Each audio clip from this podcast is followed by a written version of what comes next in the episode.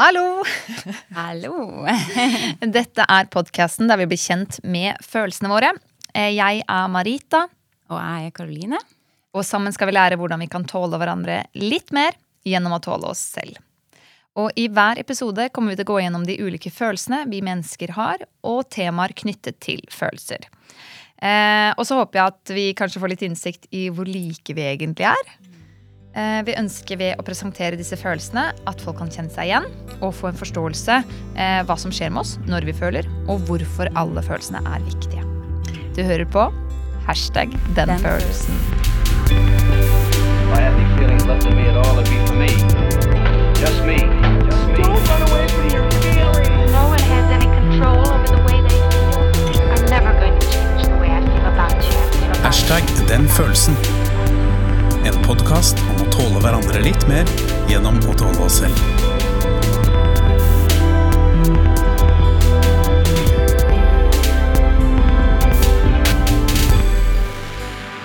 Hei, eh, jeg heter Marita.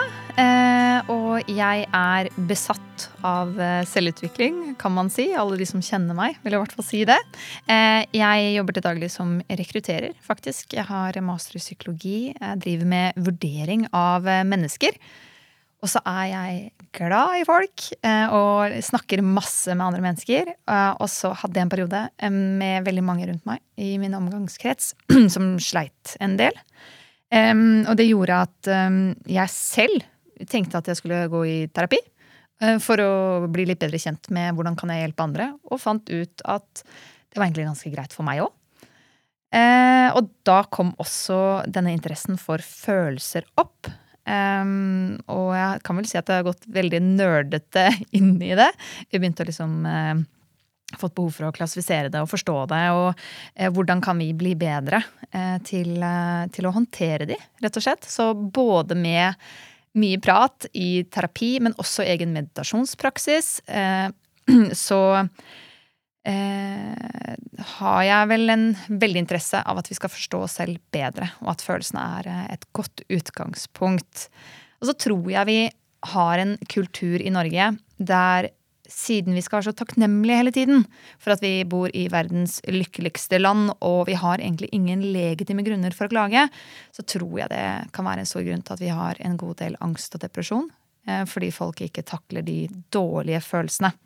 Rett og slett fordi man ikke føler at man har en god grunn til å ha dårlige følelser. Det kan jeg i hvert fall kjenne meg igjen i. At å nei, jeg har jo ikke noen grunn til å være lei meg, jeg. Jeg er jo tenk på barna i Afrika, som man eh, fikk høre når man var yngre. Og det tror jeg egentlig gjør at vi slutter å føle. Eh, og da mister vi også empatien for andre. Så gjennom å, å tåle oss selv litt mer, og alle følelsene, og akseptere de, så tror jeg også vi kan eh, bli bedre kjent med andre og tåle andre òg.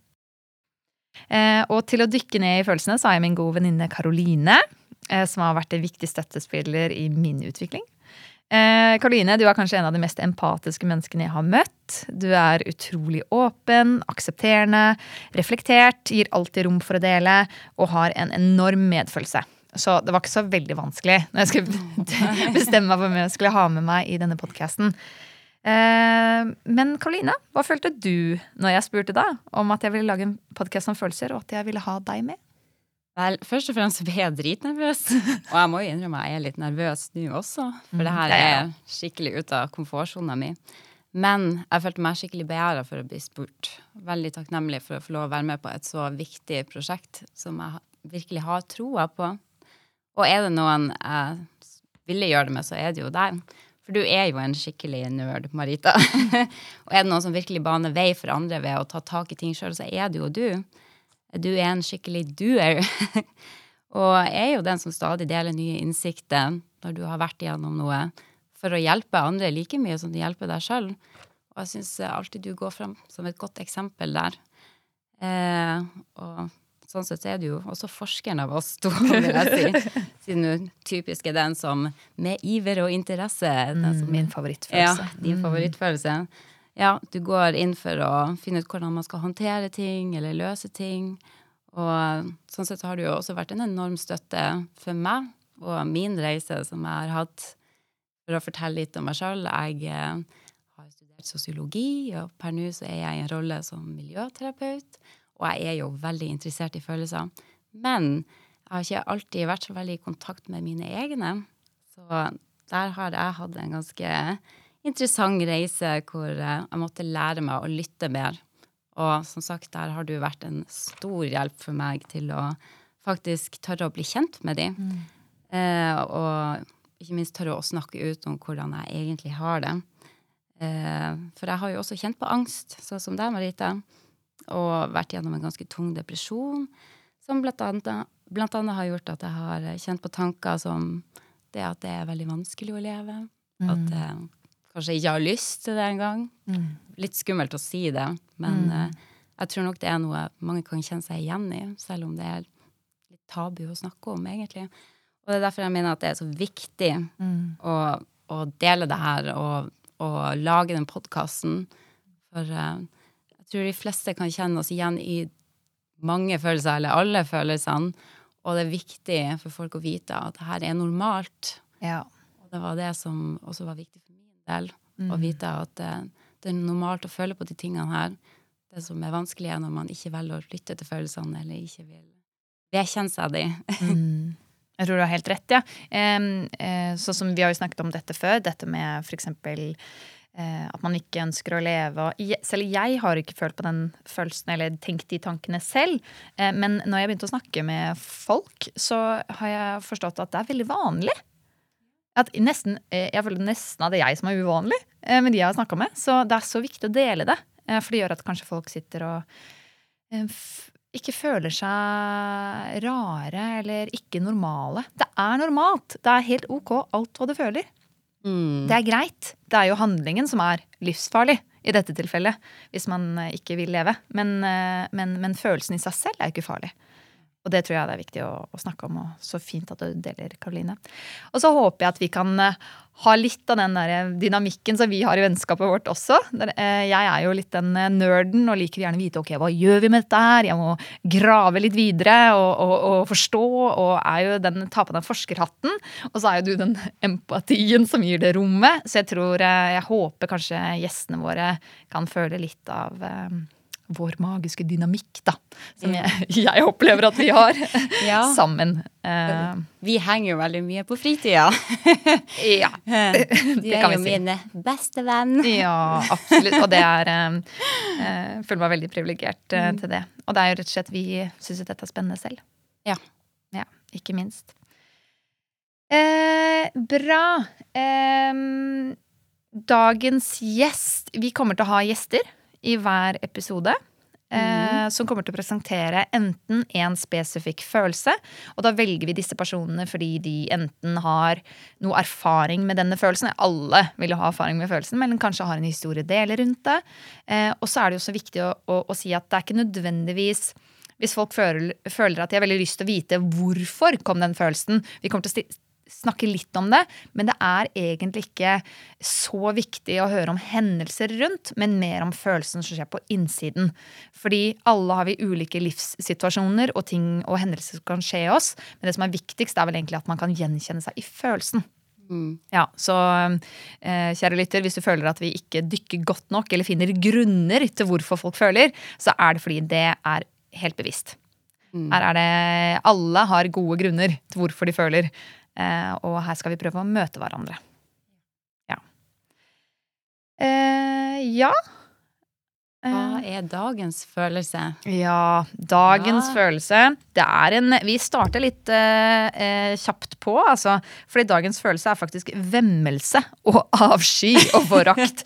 så vi går litt eh, Det er jo en ganske ekkel følelse. Eh, så for å sette deg litt i stemning, eh, så håper vi å vekke litt følelse av vemmelse og avsky i dag. Eh, før vi skal snakke med dagens gjest. Så kjære lytter, hvis du hadde tenkt å spise nå eller rett etterpå, så tror jeg du bør vente litt. Eh, avsky. Ja, kan jo kanskje liksom få lage litt stemning? Du kan jo se for deg at du det er en fin fredagskveld. Eh, det er eh, koselig middag med familien. Og så åpner du en Du skal lage kylling til familien din. Og så åpner du en eh, kyllingpakke, og så møtes du med en grusom lukt. Som gjør at du umiddelbart forstår at denne kyllingen er dårlig. Og den er uspiselig. Den følelsen er avsky. Mm. Karoline, hva er for deg? Ja, jeg forbinder jo også avsky med enten skikkelig stygg, ekkel lukt og ikke minst smak. Eh, eller for eksempel insekter og krypdyr. Som eh, for eksempel en edderkopp jeg nylig så, som eh, var den største jeg har sett på lenge. Jeg holdt på å gå i eh, nettet til den. Og da var det sånn at hele kroppen rista av vemmelse og avsky bare med tanken på at den kanskje hadde havna i ansiktet mitt. så ja. Jeg vet jeg var der. ja. Sånn ansiktsuttrykket. Den var faktisk- Den var faktisk veldig ekkel. Den var enormt stor. Og det verste av alt, vi fjerna den ikke engang. Den fikk lov å være i nettet sitt og gi oss vemmelse og avsky hver gang vi så den. Ja, fordi avsky kan jo da beskrives som følelsen du får når man lukter fordervet mat. Eh, det er den enkle formen for det, som man beskriver det. Men i tillegg kan også hvis er mer sånn sofistikert Nå har vi hentet eh, informasjon fra Følelseskompasset. Så hvis man er litt interessert i eh, følelser, så kan man gå på følelseskompasset.no, tror jeg. Ja. eh, og leite. Her har de mange gode beskrivelser. Eh, så det fins mye bra litteratur der ute. Eh, men i en mer avansert form så kan vemmelse og avsky også være det med at det er noe man tar avstand fra. Eh, for hvis det, det er noe som bryter med flokkens verdier. Mm. Så det er ikke bare liksom, eh, lukt og, og dårlig mat, men det er rett og slett litt som, eh, som beskyttelse, eller ja. Det skal regulere litt. Ja, absolutt. Og reaksjonen er jo at man ønsker noe vekk. Eh, kroppslig så kan det se ut som om du lukter noe vondt. Eh, så, så selv om det ikke er noe som lukter vondt, så kan du fysisk se ut som det lukter noe vondt. Man kan bli eh, kvalm. Eh, og så kan man også ønske å snu seg vekk eller vise misnøye. Da. Det er sånn den kroppslige reaksjonen av, av følelsen. Og funksjonen det er jo å beskytte seg mot sykdom og ting som er farlig for en selv eller flokken.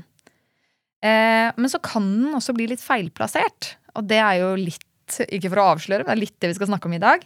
Eh, hvis man f.eks. har blitt utsatt for eh, mishandling, eller på andre måter har blitt fortalt at man er ubrukelig, og gjerne også da fra ung alder, eh, så kan man oppleve selvforakt og gå løs på seg selv, da f.eks. med rus, eh, rusmisbruk, selvskading eller f.eks. selvmordsforsøk. da. Eh, I tillegg, enten så kan da, har jo på en måte vemmelsen og avskyen gått innover. Men det kan også være sånn at den kan gå utover.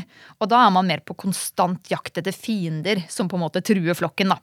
Eh, så, og det er jo eh, mye mer komplekst med, med, med Eller flere følelser inni, inni her, da. Men avsky og vemmelse er faktisk en av disse følelsene. Ja. Så ja. Og i dag så skal vi jo se på hva som skjer når den rettes innover. ja. Da har vi jo en eh, gjest som skal fortelle, fortelle litt om hennes opplevelse av denne følelsen, og hvordan hun har eh, både håndtert og ikke håndtert det. Ja, veldig spennende. Er Veldig spent på episoden i dag. Det er jo en eh, venninne som vi kjenner godt. Mm. Eh, hun har jo valgt å være anonym. Så i denne episoden så vil hun da hete Kristine. Eh, og hvis, eh, hvis dere liksom lytter, opplever at vi kanskje litt, tar litt lett på, på ting, så er det fordi vi har et veldig tillitsgrunnlag som er dannet. Eh, Ja, vi snakker gjerne en del om følelser sammen, og dermed så er det lettere for oss å gå inn på Ja. de tunge tingene da, uten, å, uten at det kanskje høres for tungt ut for vår del. ja. Ja. Ja, rett og slett. Vi har jo snakket om dette før òg. Men det er kanskje ikke en sånn eh, samtale man kanskje har på fest med noe man ikke kjenner. Nei. Eh, nei. Så eh, hvis dere føler at vi er litt sånn nesten litt frekke, så er det rett og slett bare fordi den tilliten er, eh, er danna. Ja. Den ligger i, i grunnlaget i, i vennskapet, da. Eh, og så en ting også som er viktig i, gjennomgående i hele podkasten, det er at vi er ikke terapeuter. Mm. Eh, og vi er rett og slett kun vanlige jenter slash damer. Jeg syns det er vanskelig å plassere meg i en dame. Kvinner. Kvinner! Herregud, selvfølgelig. Kvinner er mye bedre. Vi er, Ja. vi er kvinner eh, som, eh, som er, har en åpen og nysgjerrig dialog. Eh, og vi velger også å dele våre erfaringer, våre tips, hvordan vi gjør ting. Eh, men det betyr ikke at vi er terapeuter som kan eh, Som man skal ta altfor god fisk, håper jeg å si. Eh, vi, vi deler bare hva som har fungert for oss Mm. eh, og våre tanker rundt det. Eh, og rett og slett også fordi jeg tror vi er likere enn vi tror. Ja. Jeg tror vi er mye mer likere. Og, og da er det viktig egentlig å dele også. ja. Av erfaring når vi har delt, så har vi jo innsett at eh, Mm. Det er mye relaterbart. Og det er jo det vi på en måte ønsker å vise i denne podkasten her. Mm. Kanskje få folk til å komme nærmere hverandre. Men som sagt, vi, er, som Marita presiserer, vi er ikke terapeuter. Og trenger du som lytter å snakke med noen, så gjerne oppsøk profesjonell hjelp. Fagfolk som har kompetanse rundt det her. Eller snakk med en god venn som du har tillit til. Ja. Familiemedlem. Mm. Og hvis det er veldig vonde følelser, og man syns det er vanskelig å for ta kontakt med, med fagfolk eller profesjonelle, um, så er det også en ting jeg har lært. Dette med hvem er det du stoler på? Hvem skal du dele?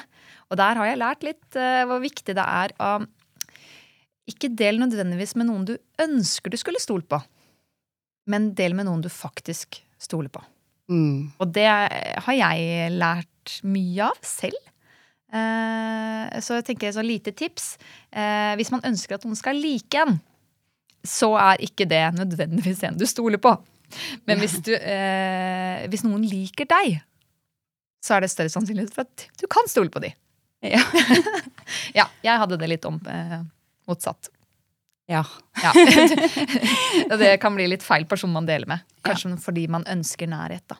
Ha et bevisst forhold til Ja. hvem du deler med. Ja, absolutt. Det var en liten avstikker der. Ja. Eh, men vi har eh, det er både lege, helsesøster eller eh, psykolog. Del. Hvis du trenger å snakke med noen. Men ja, er du klar for dagens gjest, da? Det er jeg.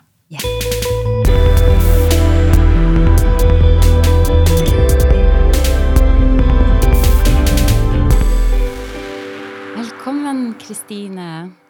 Tusen Takk for takk for at du vil være her. Har du lyst til å fortelle litt om deg sjøl, kanskje?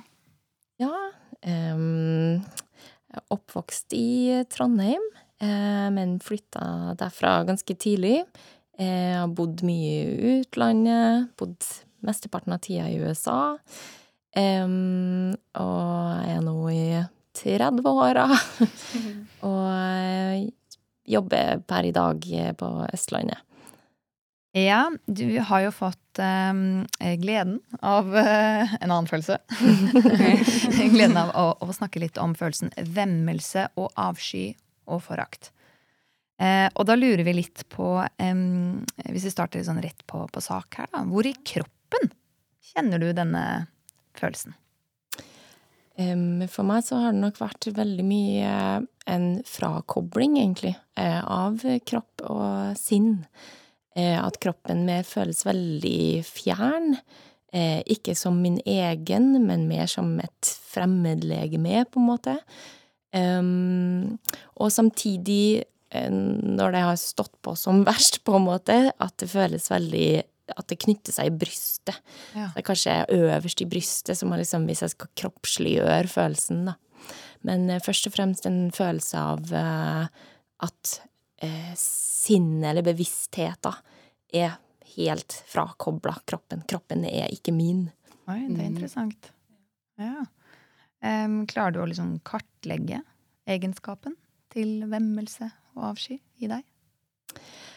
Um, den har gjort at jeg føler meg veldig um, maktesløs, på en måte. Ikke, ikke har energi. Blir litt sånn synk sammen som en uh, potetsekk. Eh, og ikke ikke orke, rett og slett. Blir skikkelig sliten og føler at jeg bare har lyst til å legge meg ned og eh, gi meg hen til følelsen. Apropos en latter og ja. Høres kanskje ut som vi tar lett på det nå, ja. Ja. Dette har vi snakket om. At vi kjenner hverandre veldig godt og har eh, nært forhold og mye tillit. Og da blir det også Ja. litt humor eh, rundt disse tingene, Det som kanskje er litt tungt. Ja. Ja. Eh, nei, ikke sant, Så du mister energien, ja. Mm. Ikke sant? Eh, har du noen eksempler, noen sånne situasjoner der du kan beskrive hvordan det oppleves? Det kan være så enkelt som å stå opp om morgenen og skal se i speilet for å finne, liksom, kle på seg, rett og slett. Eh, og bare føle at det som møter deg i speilet, ikke ikke stemmer overens med det du har i hodet, da. At det føles fremmed, ikke som deg sjøl. og det kan jo gjøre at det føles feil, eh, og man får en selvforakt av det, da. At det, det er akkurat som kroppen ikke hører til. Den er, det er noe annet. Den er utafor deg sjøl. Det høres ut som du egentlig beskriver denne vemmelse og avsky mot deg selv. Ja, det, det skulle jeg kanskje presisert. Men at det har vært det utslaget det har fått eh, for min del, da. Det har ikke handla om eh, eh, eksterne ting, men eh, mer overfor meg sjøl og min egen eh, tilstedeværelse. Min egen eh, ja, eksistens i eh, verden. Som om jeg ikke har en eh, plass. Jeg ikke fortjener den plassen jeg tar opp. Ikke fortjener de ressursene jeg har eh, brukt. At jeg må Hvis jeg skal forsvare Altså, jeg må på en måte leve opp til å forsvare at jeg tar opp plass her i verden. Eh, og da må jeg være flink og snill og bare gjøre riktige ting hele tida. Kan kjenne igjen den følelsen der.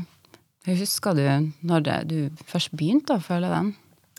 Eh, Første gangen jeg har et tydelig inntrykk av å ha følt på den eh, demmelsen og forakta, eh, da var jeg vel seks år gammel.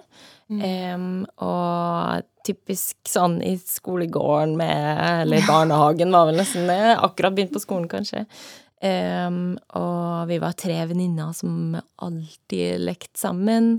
Uh, men det var alltid to mot to, da. Eh, Ja. To mot én, mener jeg. Ja, sorry Den typiske klassiske, ja. Um, og da var det vel dem to, da, som var liksom sammen den dagen. Og jeg husker ikke om vi krangla eller hva det var for noe, men vi Men jeg endte opp med å føle en følelse av at jeg var feil, at jeg var på en måte for stor eller for Tok opp plass som ikke jeg fortjente. Og jeg følte en veldig sånn forakt for mitt eget utseende og for egen kropp. Kan du huske hva du gjorde da? Hvordan reagerte du egentlig da du følte det her? Jeg Husker ikke akkurat hva slags utløp det fikk den dagen, men at det føltes som eh, at ikke, ikke jeg var riktig, mm. og at jeg måtte liksom gjemme meg. At ikke, at ikke jeg fortjente å være deres venn, da. Det var liksom den følelsen der, ja. Vet du at du kom fra den hendelsen? Eller kunne det være andre ting som Ja, Um, ja, absolutt. Og det har det nok vært også seinere i livet, at um, med en litt tung skilsmisse av foreldrene mine, og søskenforhold som ikke har vært så grei hele tida, Ja. um, har nok gjort at um, ja, at den følelsen har vært sånn gjennomgående, da. At den har blitt så internalisert at den føles som en del av meg, på en måte. Mm. at det går mer på autopilot, omtrent, enn at det er liksom det er noe som trenger å trigge det, da. Jeg kan jeg trigger det sjøl. Ja. Ja. Men hvordan håndterer du det da, når det først dukker opp? Når du, kom, når det, du kjenner igjen den følelsen? Hva skjer da?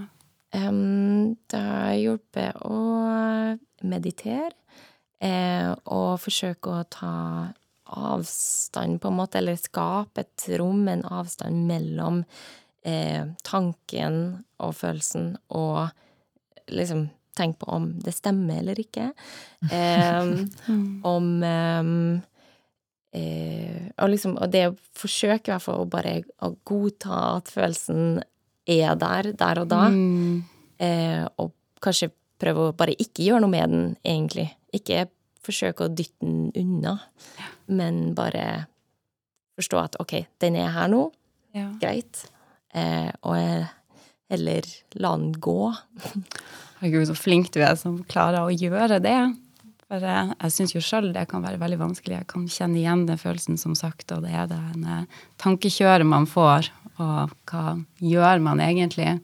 Man kan jo fort, eller jeg har iallfall tendert til å bli litt destruktiv.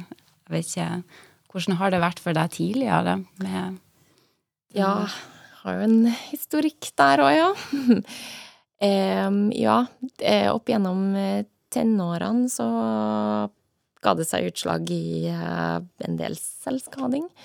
Um, der uh, følelsen var så ubehagelig å stå i at uh, sånn mentalt at jeg bare ville ha et fysisk utløp. Og da var det lett å ty til kniven. Em, og um, ja, det resulterte i en del eh, selvskading med å kutte armene, da. Kan du fortelle litt om hendelser som kan på en måte ha ført til selvskading? Um, ja Det Eller situasjoner? Ja. Em, var nok ofte for min del at em, kanskje jeg krangla med en av foreldrene mine, eller en av søsknene mine, eh, og jeg ikke greide å få et utløp for det. Em, ikke følte at jeg greide å um, si ifra, på en måte stå opp for meg sjøl. og at jeg heller eh, smelte igjen døra og gikk på rommet mitt. Eh, og takla det sjøl, men ikke takla det. På en måte ville være sterk, men og i hvert fall ikke begynne å skrike eller være vanskelig, liksom, men bare stengte av ut med eh, Og fikk det på en måte ut på egen hånd, da, i stedet for å um, ja, snakke om det. Kan du fortelle litt om hva som um, Hvis du sitter der etter en krangel og har gått inn på rommet, skal ordne det sjøl, kan du fortelle litt om hva som foregår i deg når ja, du da skal starte med selvskading? Em, den følelsen av uh, frakobling mellom hode og kropp, da, blir så sterk at du føler at hele kroppen Det som det, Ja, som jeg nevnte med fremmedlegeme, at det føles helt feil. At den ikke er den du har bare lyst til å på en måte fjerne kroppen. Rive av deg skinnet, eller bare få, få det bort. Um, men du er jo stuck med den. eh, så eh, følelsen blir så sterk at du har bare lyst til å, å skade deg sjøl for å bli Bare for å få en release, på en måte, fra følelsen. Og det får du òg. Um, fordi følelsen fra å gjøre vondt i hodet, på en måte, så får du det vondt fysisk, da. Det, det gir en, eh, en midlertidig avslapning, på en måte. Altså, det, det blir liksom som å drikke seg full, eller ta rusmidler, eller eh, ta Paracet når du har det vondt i hodet. Altså em, Så det, det høres kanskje merkelig ut når man ikke har gjort det sjøl, men Og det har jeg forståelse for. Em, men det, det gir en, eh, en sånn release. Ja. Det forteller vel mye også om hvor vondt det må ha vært å sitte med den følelsen da, og ikke helt visst hvordan man skal få den ut, eller hvordan man skal sitte i den. Ja, ja, så det mm, Jeg var nok eh, deprimert ganske mye av eh, eh, oppveksten og tenårene uten å ha det diagnostisert. Ja. Uten å Ja, for det var liksom Jeg har alltid på en måte fungert. Altså gått på skolen, gjort leksene, mm. gått på universitetet. Så mm, det har på en måte kanskje ikke virka som noe problem eh, før det i seinere år, da, utover i 20-åra og 30-åra, eh, gjorde at jeg ikke Jeg bare hadde det ikke bra, rett og slett, eh, og eh, ble henvist til psykolog. Em, og da ble det endelig tatt tak i, men det var liksom i 30-årene. Så um, det har tatt tid, og jeg har nok tenkt ofte at um, følelser, det er bare noe man kan uh, dytte under teppet, og så forsvinner det. Ikke noe problem. Ja. Ja, og det er ikke mulig. det innhenter deg, om du vil det eller ikke. Så um, gjennom psykologen ble jeg også satt på antidepressiva, um, og gikk i samtaleterapi en god stund. Um, og driver ikke med selvskading eller noe i den duren i dag. Men uh, det er fortsatt uh, følelser og ting å ta tak i, da. Det er en prosess som tar tid. Men så tøft av Veldig deg. tøft. Både å dele det nå, og det at du har tatt tak i det. Og at du fikk til å slutte med det destruktive mønsteret, den her med selvskading. Ja, og så mye du har fått til, selv når du har hatt det så kjipt og tøft. Så er det jo litt sånn tilbake til de, den egenskapene til, til følelsen. Jeg er jo litt den derre for å forstå følelsen, da. Jeg har jo ikke drevet med selvskading og, og, og syns, syns det er vanskelig på en måte å kjenne det igjen. Og det å føle eh, denne følelsen mot seg selv. Um, og da lurer jeg på hvordan oppsto det her? I, sånn, I deg? Sånn som du forteller om at det var eh, ting som skjedde på utsiden. Eh, at eh, de venninnene dine som ikke anerkjente deg, eller men, men hva skjedde i deg? Er det, er det noen positive eh, konsekvenser av følelsen?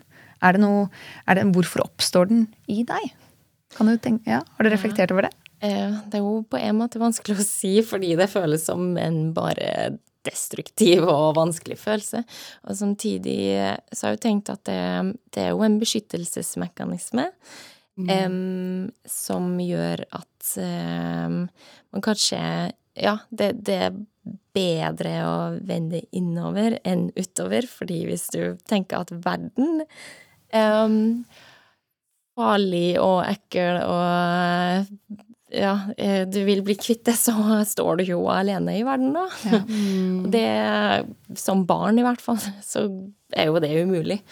Så da er det kanskje en, eh, en beskyttelse i det som gjør at eh, ja, du, du klarer å stole på verden, og eh, Men at det er du som er problemet.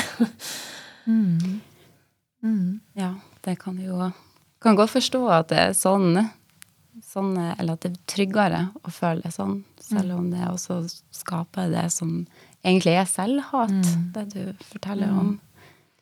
For funksjonen til, til, til følelsen er å beskytte seg enten mot sykdom eller ting som er farlig for en selv eller flokken. Uh, kan du kjenne noe igjen i at Tror du du har vært farlig for flokken? Ja, Eller brutt med verdiene til flokken? Ja, eh, kanskje farlig og et eh, ja, sterkt ord. Eller hva jeg skal si, for et barn, da er jo kanskje ikke farlig, men eh, mer Noen som har fortalt at du har feil? Eller? Ja, så det er jo mer det. Ja, Ja. feil, kanskje. Um, feil, ubrukelig, egoistisk, uh, ikke tar hensyn. Um, ja, kanskje mer den typen egenskaper som på en måte eh, har blitt tillagt, og dermed kanskje tenkt da, at det er meg, så da er jeg per definisjon feil. Er det det folk har sagt til deg? Hva sa du? Er det det folk har sagt til deg? Ja, i hvert fall det søsken eh, Ja, søsken har gjort det. Em, og ikke det Altså, vi har et godt forhold i dag, og jeg tror ikke det har kommet fra på en måte Ikke at det har vært ondt ment, men eh, at eh, det har mer vært et produkt av at de også har hatt det vanskelig. Em, når foreldrene går gjennom en skilsmisse og man er barn sjøl, så vet man jo ikke hva man eh, sier. Em, så jeg tenker at ja, det, det har blitt sagt, absolutt, men at det ikke er noe skyld å plassere i dag, da. Det er mer jeg har internalisert den stemmen, em, og tatt, tok det så til meg at det ble en del av meg. Kan du fortelle litt om den dynamikken mellom dere søsken? Um, Ja. Um, Bare sånn forstå hvordan ting kan bli plassert i deg. ja, ja. Jeg var minst i søskenflokken. Em, og tenker at eh, det var kanskje litt lett å ikke Jeg var ikke så artikulert. eh, og var kanskje litt sånn eh, Heller enn å på en måte kunne snakke for meg, så ble det enten at jeg liksom boksa til dem, eller eh, løp inn på rommet mitt og lukka døra. Eh, og at eh, Ja, når søsknene mine da var i eh, dårlig lynne, holdt jeg på å si, så eh, ble det nok lett å sette merkelapper på meg da som eh, egoist. Ja, du er jo så teit, og uh, du får jo ingenting til, og eh, Ja, en del sånne type ting som eh, eh, Så det var jo en uhensiktsmessig dynamikk der, eh, og det eh, fortsatt det på en måte vanskelige forholdet. Altså, vi hadde ikke et eh, forhold av eh, tillit og samhold, da, som nok forsterka følelsen av selvforakt, fordi jeg ikke følte at jeg hadde en plass, på en måte, i familien. Um, følte meg litt som en eh, alien mm. plassert inn i inn i et hus. um, hva vil du si, Nå har du jo snakket litt om, om selvskading, og det er tydeligvis veldig ja, Det er jo ikke spesielt positivt, da. Det er jo ganske destruktivt. Men kan du fortelle litt om de negative konsekvensene av å føle det? Vemmelse, avsky og selvforakt. Ja, eh, det har jo gitt seg utslag kanskje mest i at jeg har vært litt redd for å ta plass, være for mye, eh, si feil ting. Eh, at det nesten har blitt en følelse av å Eller nesten gitt seg utslag i en falskhet, omtrent. At det liksom Jeg skal i hvert fall ikke bli tatt på noen ting. Så, eh, så jeg setter på meg en maske og later som eh, ingenting er i veien. eh, og eh, ja, det har skapt eh, litt vanskelig vennskapsforhold. Og i forhold til det, det andre kjønn. Eh, eh, seksualitet kan være litt komplisert når man føler seg feil og eh, ekkel. Da jeg hadde en idé om at ikke det gikk an å ha et intimt forhold med mindre jeg var perfekt. For hvem skulle like det hvis ikke jeg så ut som en eh, perfekt person? Og det vet jeg jo nå at det er jo umulig. Ingen er perfekt. Går ikke an å oppføre seg perfekt hele tida. Ja, Oppnådde du noen gang den følelsen av 'nå er jeg perfekt'? Eh, Nei. Nei, det blir jo bare en konstant eh, følelse av å ikke få det til. Ja. Hvordan prøvde du å, liksom, prøvde du å søke anerkjennelse, eller eh, Ja. Ja, um, på sett og vis. Uh, men jeg trakk meg nok kanskje bare mer tilbake. Eh, men jeg prøvde jo å på en måte oppføre meg så ordentlig som mulig, eller eh, ja, ikke gå over streken på noen måte. Eh, og um, se fin ut. um, men, um, men det var nok mer at jeg ble redd for, for den typen relasjoner, da. Og syntes det var lettere å bare um, ikke ha en relasjon. Altså, en one night stand var på en måte lettere enn en, en eh, fast relasjon. Fordi det var veldig vanskelig og skulle være perfekt hele tida. Så Og det er jo naturlig nok. Det blir jo Det er jo umulig. Så um, ja. Men hva har du tenkt at andre har tenkt om deg? Ja, eh, det har nok gått litt i bølgedaler. Altså når jeg har Hvis jeg har fått positiv feedback, så har det kanskje skapt litt selvtillit i øyeblikket, og så går det fort over eh, når man Ja, når jeg har eh, kommet til meg sjøl igjen, eller bare vært på egen hånd, så har jeg ikke greid å føle meg vel, da, eller riktig, på en måte. Ikke god nok. Em, så um, Hva var spørsmålet? Jeg mista tråden. Ja. Jeg bare tenker om den følelsen der også gjør noe med hva du tror folk tenker om deg òg. Ja. Om du speiler Ja. dine følelser i andre òg. Ja, eh, og um, eh, da kom jeg til å tenke på imposter syndrome. eh, har nok vært et, et gjennomgående tema, på en måte, i eh, tankene, fordi det har eh, Jeg har vært redd for å eh, bli avslørt okay. som ikke flink nok, pen nok, bra nok. Den typen ting, da. Ja, hva, hva skulle skje dersom du ble avslørt? Ja, da Jeg har nok jeg har hatt en idé om at jeg er et slags monster på innsida som ikke må ut.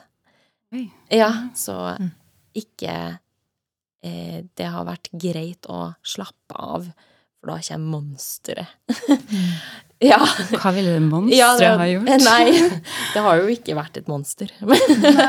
Men jeg har på en måte hatt den ideen om at eh, jeg er jo et monster på innsida, så jeg må ikke slippe noen for nær. Ikke slappe av. Ikke, ikke være meg sjøl fordi jeg er et monster. Ja, hva verste konsekvens ville ha vært, egentlig? Ja, det Ja. er jo det som ikke jeg har tillatt meg sjøl å tenke da, på. Fordi det, det, det har på en måte vært en default i det. Jeg tenkte ok, jeg er et monster, så Mm. sånn er det bare.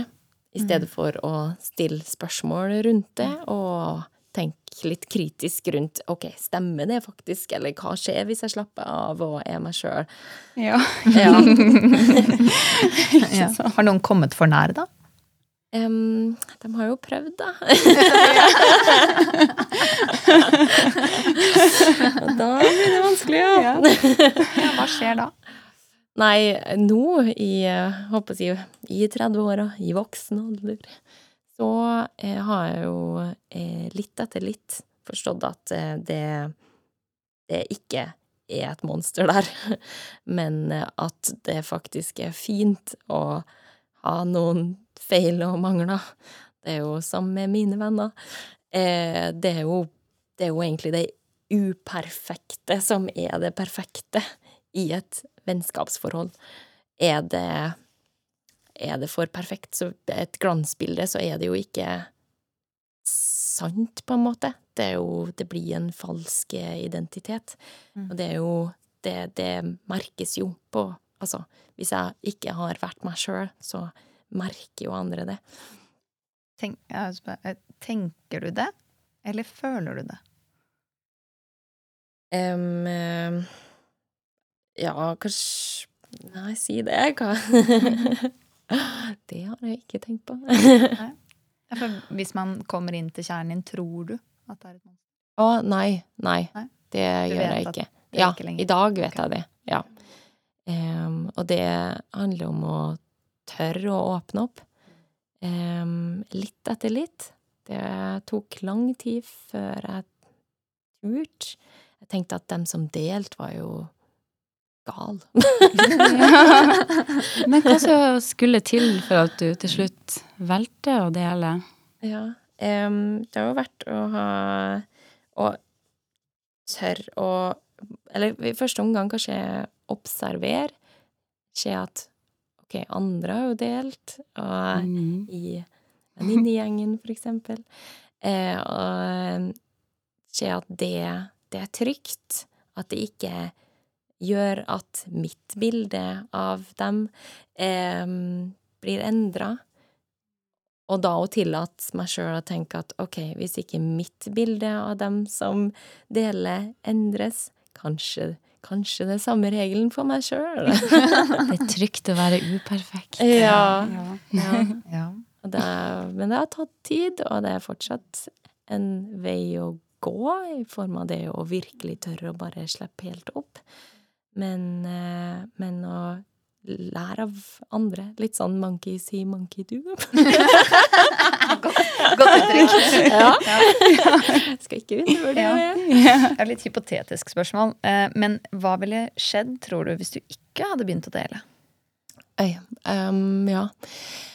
Tenker at da hadde sikkert ja, Jeg hadde kanskje fungert, på en måte. Altså gjort jobben min, men det hadde på en måte så mange negative, negative konsekvenser um, i det å ikke åpne opp at eh, det hadde vært veldig vanskelig. Altså søvn, um, for eksempel.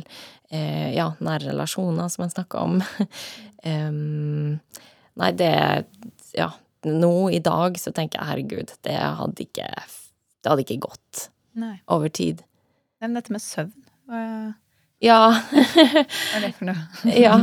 Nei, eh, etter hvert eh, som tida gikk og jeg ikke følte at jeg kunne slappe av og ikke kunne dele, eh, så fikk jeg veldig mye søvnproblemer. Eh, kunne våkne opp i litt sånn panikk eh, midt på natta eh, bada i svette og var ganske ja, ute og kjørt. Så det var faktisk det som gjorde at eh, legen min til slutt sa at oi, kanskje du trenger å snakke med noen. Eh, det her handler kanskje ikke bare om søvn. Eh, God lege. men- Ja. ja. Og der, ja, apropos det, bytt lege hvis ikke de tar deg seriøst. For det, det Av og til så trenger man bare noen som kan liksom ta deg litt i skinnet og si hei, nå, nå går det for langt her, nå trenger du å snakke med noen. Noen som ser deg. Noen som ser deg. Og kroppen ser deg. Det er liksom, Jeg tror kroppen alltid sier ifra. Spesielt også hvis det er dårlige følelser. Jeg tror kroppen sier ifra. Jeg vil ikke, jeg vil ikke være her inne. Jeg vil deles. Ja. Selv om følelsen sier 'ikke del meg'. Ja.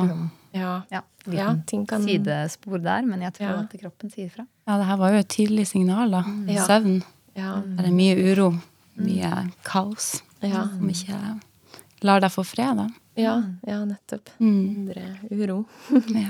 Hva tror du ville skjedd om følelsene fikk uhensiktsmessig stor plass i livet ditt? Ja, det har jo på en måte gjort det, da. Em, det, så det, da kan jeg jo på en måte snakke ut fra konsekvensene det har hatt. Um, som at uh, ja, ikke tørre å være nær folk, og ikke um, um, bare ja, å ikke like seg sjøl. Jeg tenker jo det er jo ganske vanlig.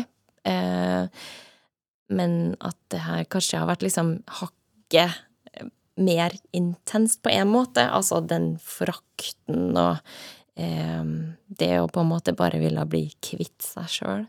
Eh, når det får for stor plass, så ødelegges jo livet litt, da. Eh, det mm, Hva skal jeg si Det Ja, jeg vet ikke hvordan jeg skal på en måte beskrive det, men eh, em, den følelsen av å bare ikke ikke kunne være deg sjøl, det, det er vanskelig å leve et liv på den måten, da. Mm. Det ikke jo, ja. Hva er worst case, da? Det hadde vel kanskje vært å avslutte, da. Det um, har jo vært en tanke som jeg var innom en del ganger opp igjennom eh, tenårene og kanskje begynnelsen av 20-årene. Um, og um, ja, fordi følelsen av å være så feil at du tenker at verden er et bedre sted uten deg, det, det er kanskje ytterste konsekvens da, av å, av å ha den følelsen for eh, tett på. Mm. Ja. Ganske fælt å tenke at det, at det er noe du har vært igjennom. Mm. Det, ja, hvem skulle tro at det Mm. Ja, jeg har hatt det så tøft. Men jeg forstår det jo veldig godt med tanke på hvor stor den følelsen her har vært. Mm. Er det en følelse som naturlig følger denne følelsen, hvis den går mot deg selv? Um, å forstå den bedre? Ja, vanskelig å snakke for eh, andre deg. som har eh, opplevd det, men ja. Eh, ja, faktisk, fordi det blir så vanskelig å leve med det eh, når du føler at du er hele tida, uansett hvor du er, hva du gjør, hvem du snakker med, em, så er du Bare det at du er der, liksom, eksisterer, at det er feil, og det er for mye, det er Ja, alt det som vi har snakka om. um, så tenker jeg at det blir en naturlig Mm. konsekvens av det. At du Ja. Hvis jeg tenker liksom Til beskrivelsen av vemmelse og avsky, så, så står det jo det med at man kan ofte liksom eh, føle misnøye, eller vise misnøye, snu seg vekk, ville fjerne det. Mm. Og det ligger liksom som eh, ikke sant, Man lukter dårlig mat og tenker oi, dette her, det her merker jeg med en gang er feil. Eh, og hvis denne følelsen da går mot en selv, så vil jeg jo tenke at egenskapen til følelsen naturlig nok kunne da tenke oi, jeg har feil. Jeg må fjernes. Ja. Jeg må vekk. Ja. Mm. Og da er det så viktig å snakke om det. Ja. At det er følelsen og ikke personen. Ja. ja, og det er jo derfor å tenke at det er viktig eh, både med denne podkasten i utgangspunktet, eh, men òg det å, å også dele en så vanskelig følelse. For det er jo Ja, det er ikke enkelt å skulle snakke om det og dele det. Men jeg bare tenker at det er så viktig å, få fram, og det at det ikke nødvendigvis er en sånn type veldig vanskelig barndom med masse traumer og eh, overgrep og Altså, eh, worst case, på en måte. Det, det er ikke nødvendigvis det som utløser den typen følelse. Det kan komme av en si, vanlig skilsmisse, eller vanlig i hermetegn barndom, da. Um, at ikke Ja, det, det er ikke noe rart, på en måte. Eller sånn, det er ikke uvanlig, tenker jeg. Ja. Og jo som jeg sa i stad, hvem skulle tro at du kunne føle noe sånt, du som ser så flott ut og har gjort så mye bra i livet ditt, men det er jo det som er greia, det er at alle kan føle på disse følelsene, uavhengig av hvilke opplevelser de har hatt. Men det viktigste er å ta tak i det, lytte til den, og, og del den, og ikke la den eh, si at det her er sant. Ja. Ikke bli følelsen, ikke tenk at du er følelsen. Tenk noen noe legitim grunn. Nei, det er akkurat det. Jeg tror, ja, Ja. det er rett og slett Føler du den, så er det uansett ja, kanskje feil. Ja. Ikke sant? Det er generelt sett ikke lurt å tenke at man selv er, er farlig eller dårlig eller må fjernes. Ja.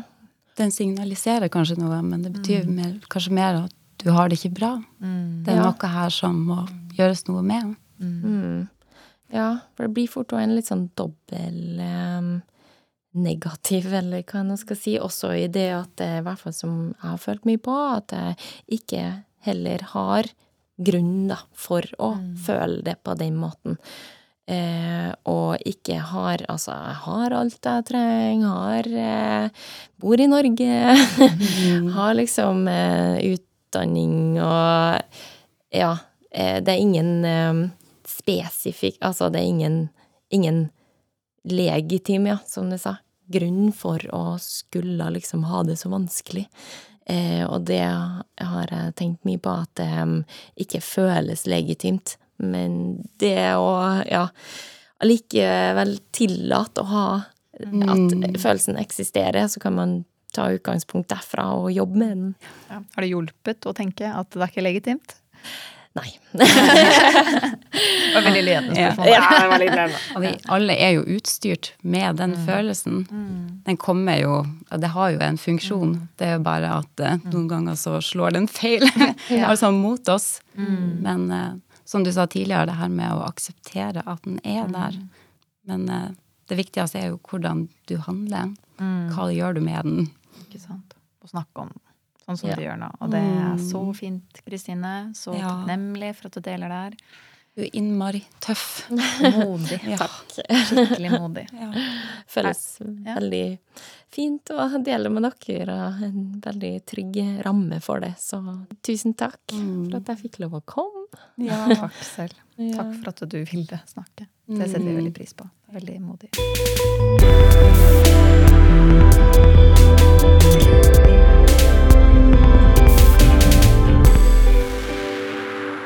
Ja, Karoline. Hvordan syns du, Nå når vi nettopp, nettopp hatt en samtale med Kristine, ganske tung samtale, um, Mm. med en, eh, en, eh, en venn, Um, hvordan syns du det gikk?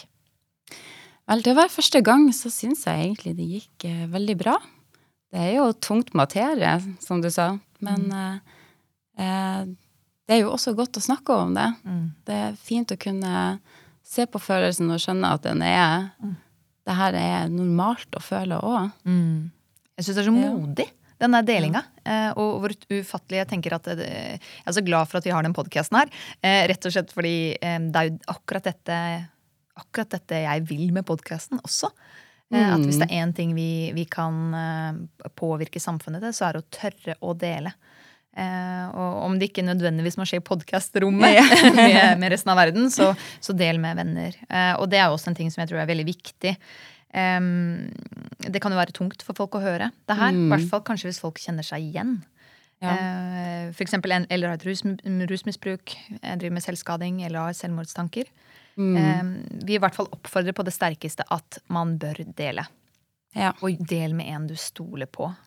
Eh, Det fins så mange flinke fagfolk. Sånn som eh, Kristine hadde jo denne legen Mm. som, eh, som forsto at søvnproblemer er ikke bare Det kan være noe annet også. Så Ja. bare oppfordre folk. Del, del, del, del. del.